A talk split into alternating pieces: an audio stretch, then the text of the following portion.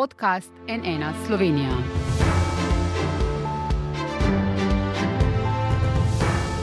Dobro dan, to je NN studio. Covidne razmere v državi se, kot kaže, še naprej izboljšujejo. Vse dni v tem tednu je bilo okužb v primerjavi z dnevi v prejšnjem tednu manj.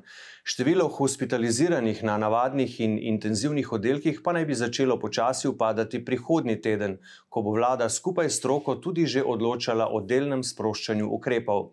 A nekatere težave ostajajo. Veliko število okuženih zaposlenih v bolnišnicah, kar je v Murski soboti povzročilo zmanjševanje obsega operacij.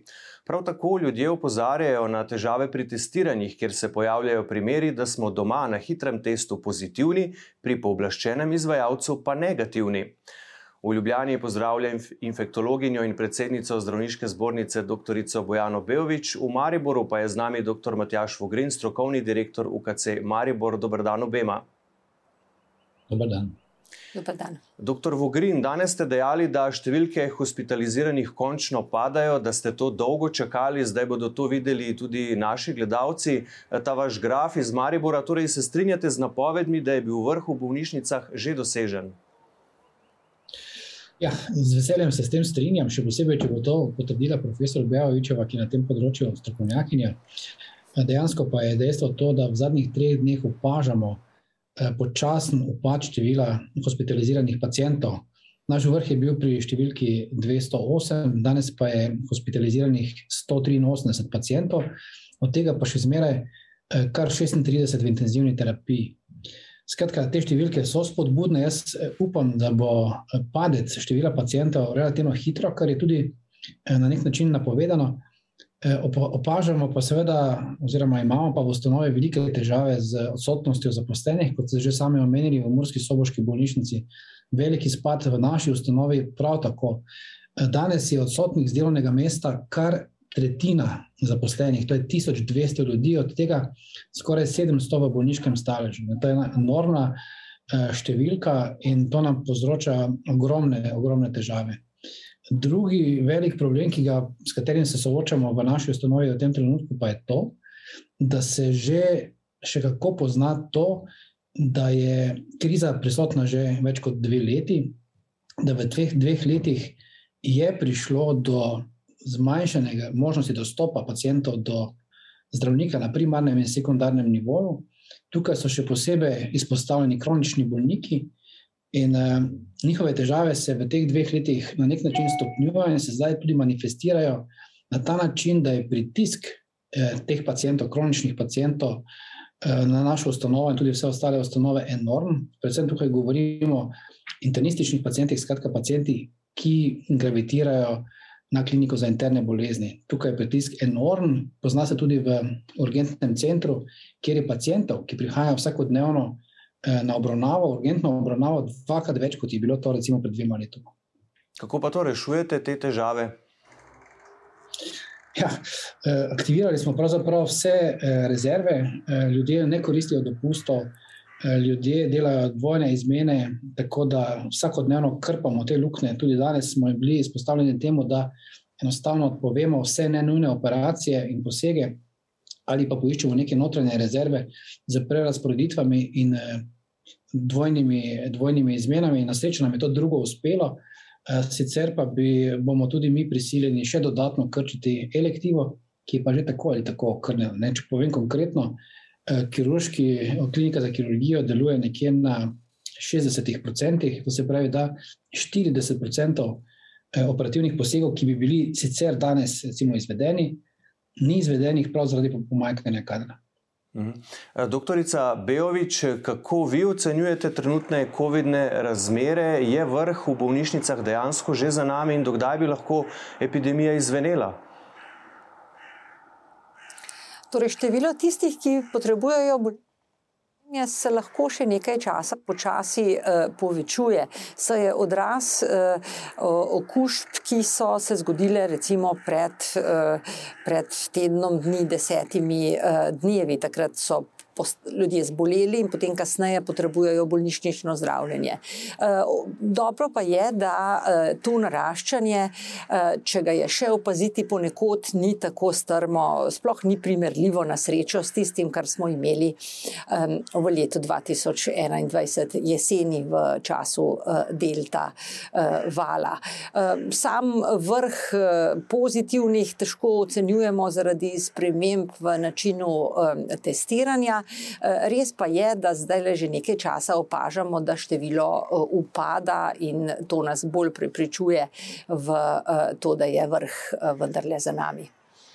Ja, to je dobro slišati. Vodja svetovalne skupine, dr. Mateja Logar, za prihodnji teden napoveduje prvo sproščanje ukrepov. O tem bodo v torek na Brdu pri Kranju govorili predstavniki vlade in stroke. Tudi vi boste tam, dr. Bejovič. Kaj lahko pričakujemo, kje bi lahko sproščali ukrepe?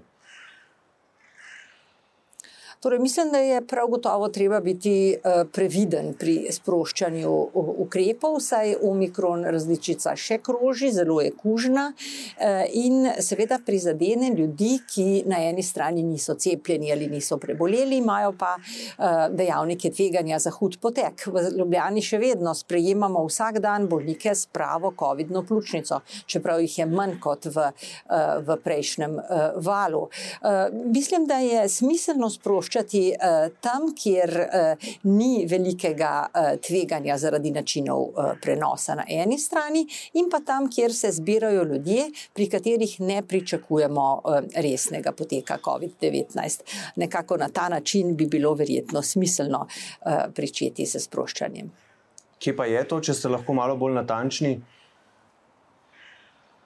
Uh, torej, uh, težko vam rečem, kakšen bo dogovor, ampak recimo uh, v kakšnih trgovinah, kjer ni veliko ljudi, bi lahko morda ob obdržali samo maske, ne bi bila več potrebna potrdila. Na drugi strani pa, če gre za kakšna velika zbiranja ljudi, ki se sicer med seboj ne srečujejo, ne poznajo, tam pa seveda je treba zagotoviti, da ne pride do uh, izbruhov in najbolj seveda pametno je, da na taka zbiranja hodijo ljudje, pri katerih, ki so zaščiteni pred hudim potekom, to so tisti, tisti, ki so preboleli in cepljeni.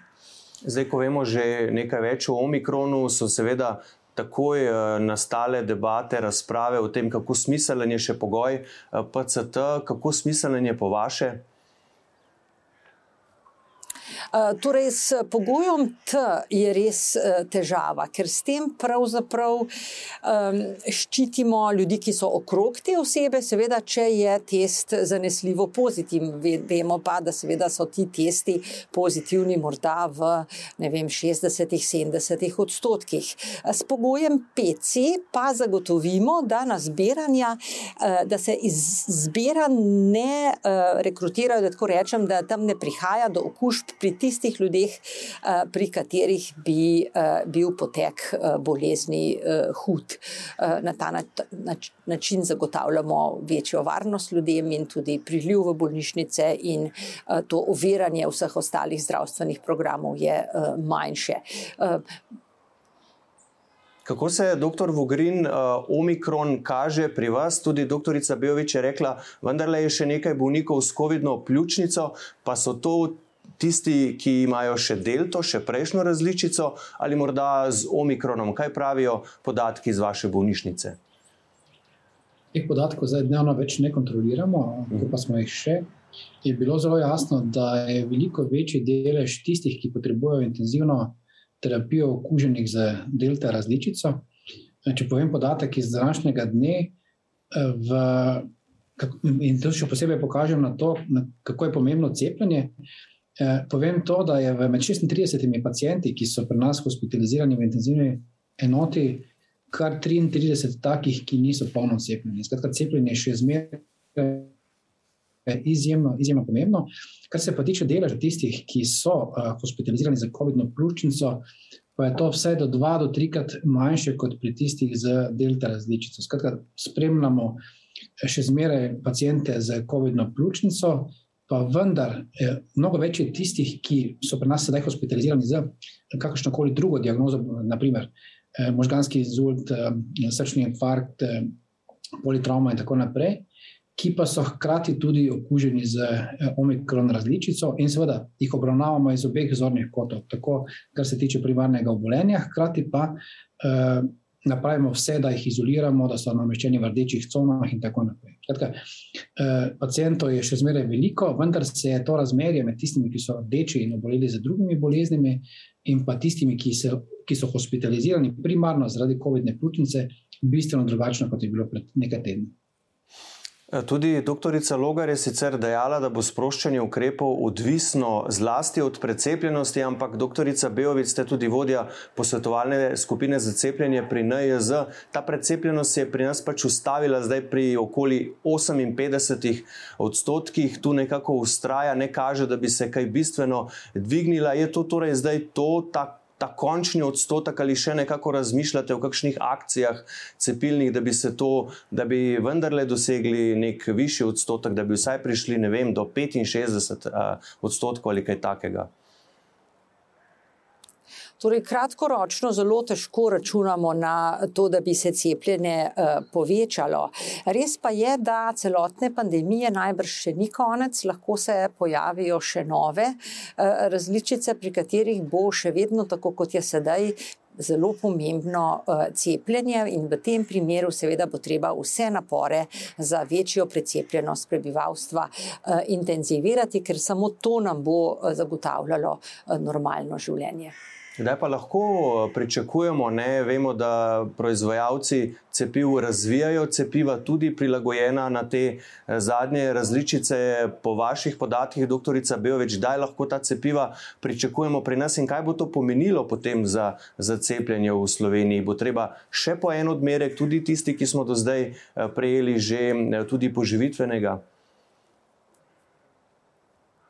Torej, nekatere države se odločajo za četrti odmerek uh, teh uh, splošnih cepiv, oziroma cepiv, ki niso posebej uh, usmerjena proti določenim variantam. Um, Izrael, konkretno tudi Nemčija, pri bolj ranljivih skupinah uh, ljudi. Uh, zdaj, usmerjeno cepivo proti omikron uh, je bilo napovedovano v marcu, vendar je vprašanje, če se bo to uh, res zgodilo. Uh, trenutno, glede na učinkovitost eh, cepiva in tretjega odmerka, mislim, da je precej bolj pomembno, da se odločimo za ta tretji odmerek, kot da čakamo na, omikron, na usmerjeno cepivo proti omikronu. Eh, zelo možno pa je, da se bo zgodilo, da bomo tako kot pri gripi potrebovali vsako leto pred novo sezono eh, okužb dihal, to je v jesenskem času, prilagojene poživitvene odmerke.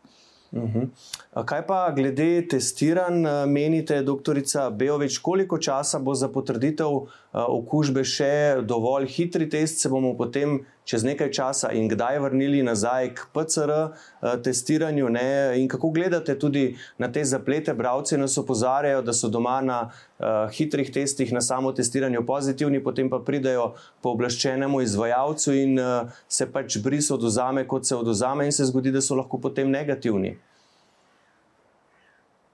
Torej, priznavanje hitrih testov za potrditev okužbe eh, je v Sloveniji nastalo iz dveh razlogov. Na eni strani eh, pač nezmožnosti, fizične nezmožnosti obravnavati v mikrobioloških laboratorijih take količine vzorcev, po drugi strani pa je sedaj kroženje tako intenzivno, da je pozitivna napovedna vrednost pozitivnega hitrega antigenskega testa eh, zelo velika. Torej, je zelo malo tistih, ki so lažno Eh, pozitivni. No, in ko se bo enkrat začelo število okuženih zmanjševati, eh, bo na eni strani možno spet eh, analizirati vse vzorce s PCR metodo, po drugi strani, seveda, pa se bo povečalo število oziroma delež teh, ki so eh, lažno pozitivni, in zato bo spet bolj smiselno uporabljati za potrditev PCR teste. To, kar se zdaj dogaja, seveda kaže na slabosti hitrega antigenskega testiranja, ki ki po eni strani sicer omogoča, da čim prej prepoznamo pozitivne, da se ti osamijo, da, nimajo, uh, da se osamijo oziroma grejo v karanteno tudi njihovi kontakti, vendar le pa seveda je to testiranje manj zanesljivo in povzroča vse omenjene težave. Uh, odvisno je seveda od vrste testa do neke mere, pa od tega, kako se oduzame, pa kdaj v poteku bolezni je uh, oseba testirana. Torej, kar precej je teh uh, spremenljivk, ki vplivajo potem na uh, končni rezultat. Tega se moramo zavedati vsakokrat, ko uh, se testiramo. Doktor Vogrin je bilo tudi pri vas kaj zapletov zaradi različnih rezultatov hitrih testov in kako gledate na to, ali ste morda sprejeli kakšne vem, dodatne preventivne ukrepe, da, da, tega, da do tega ne bi prihajalo?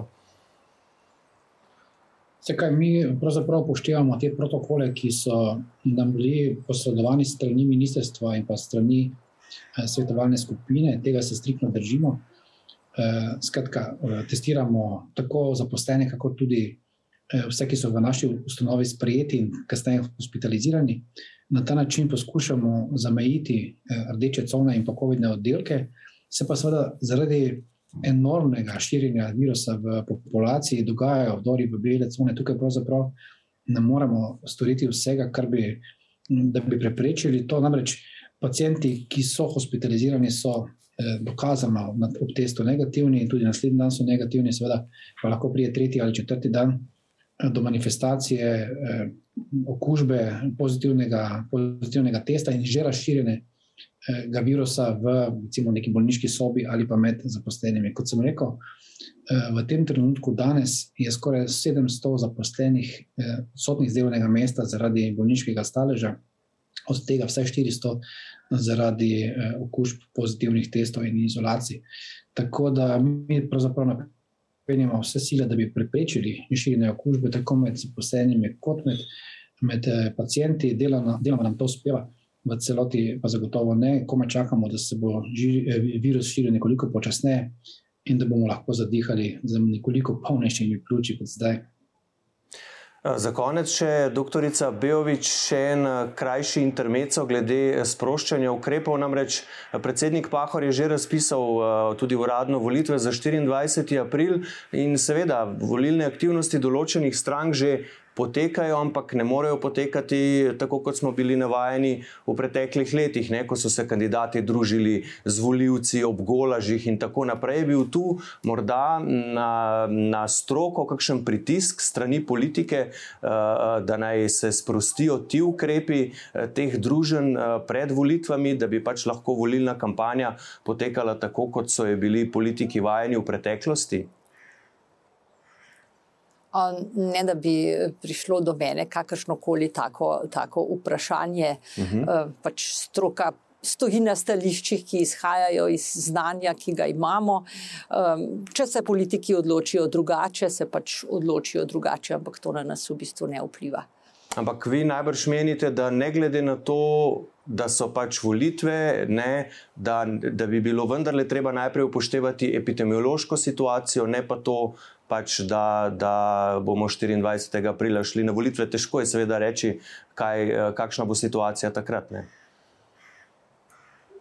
Eh, prav gotovo. Pričakujemo sicer, da se bo v pomladanskem času tudi zaradi sezone situacija izboljšala, pa tudi ta velik val bo uh, za nami. So mhm. pa že sedaj v bistvu zbiranja uh, mogoča do neke mere uh, na ta način, da se zbirajo samo uh, cepljeni in preboleli in se zraven še uh, dodatno testirajo. To zagotavlja eno veliko, veliko varnost, uh, ki jo uporabljamo recimo pri kakšnih. Izobraževalnih dogodkih ali kaj podobnega. Mhm. -huh. Samo še to, čisto... če, če lahko samo ja, komentirate. Izvolite, ja. kar izvolite. No, mogoče pa bo ravno to, da bodo zdaj politiki imeli manj priložnosti za medsebojno druženje in pa druženje z voljivci, čas za njihov razmislek eh, o pripravi optimalne izhodne strategije za rešitev celotnega zdravstvenega sistema, ki je v tem trenutku zaradi COVID-a, pa zaradi številnih drugih eh, stvari v izjemni krizi. In jaz mislim, da je dejansko naloga politike v tem trenutku pred volitvami, da jasno predstavijo, eh, na kak način se bodo lotili, lotili te zdravstvene krize in da jasno prikažejo, na kak način bo to rešeno. Hvala lepa za to, dr. Eh, Vogrin. Zagotovo jih bomo pred volitvami o tem podrobneje izprašali vse kandidate, da predstavijo svoje vizije, svoje načrte, kako si predstavljajo torej, eh, izhodno strategijo naše države, našega zdravstva iz te krize, ki nas zdaj pesti že dve leti. Eh, za danes pa spoštovana gosta, dr. Bejovič v Ljubljani, dr. Vogrin v Mariboru, najlepša hvala za vajen čas in vajne odgovore. Lepa hvala. Hvala tudi vam. Hvala pa tudi vam za vašo pozornost. Spremljajte nas še naprej na nnainfo.si, kjer bomo seveda sproti objavljali vse, vse informacije o tem, kaj so se dogovorili eh, vlada in stroka, katere ukrepe bodo sproščali in kdaj. Iz studija pa le še lepo zdrav in nasvidenje.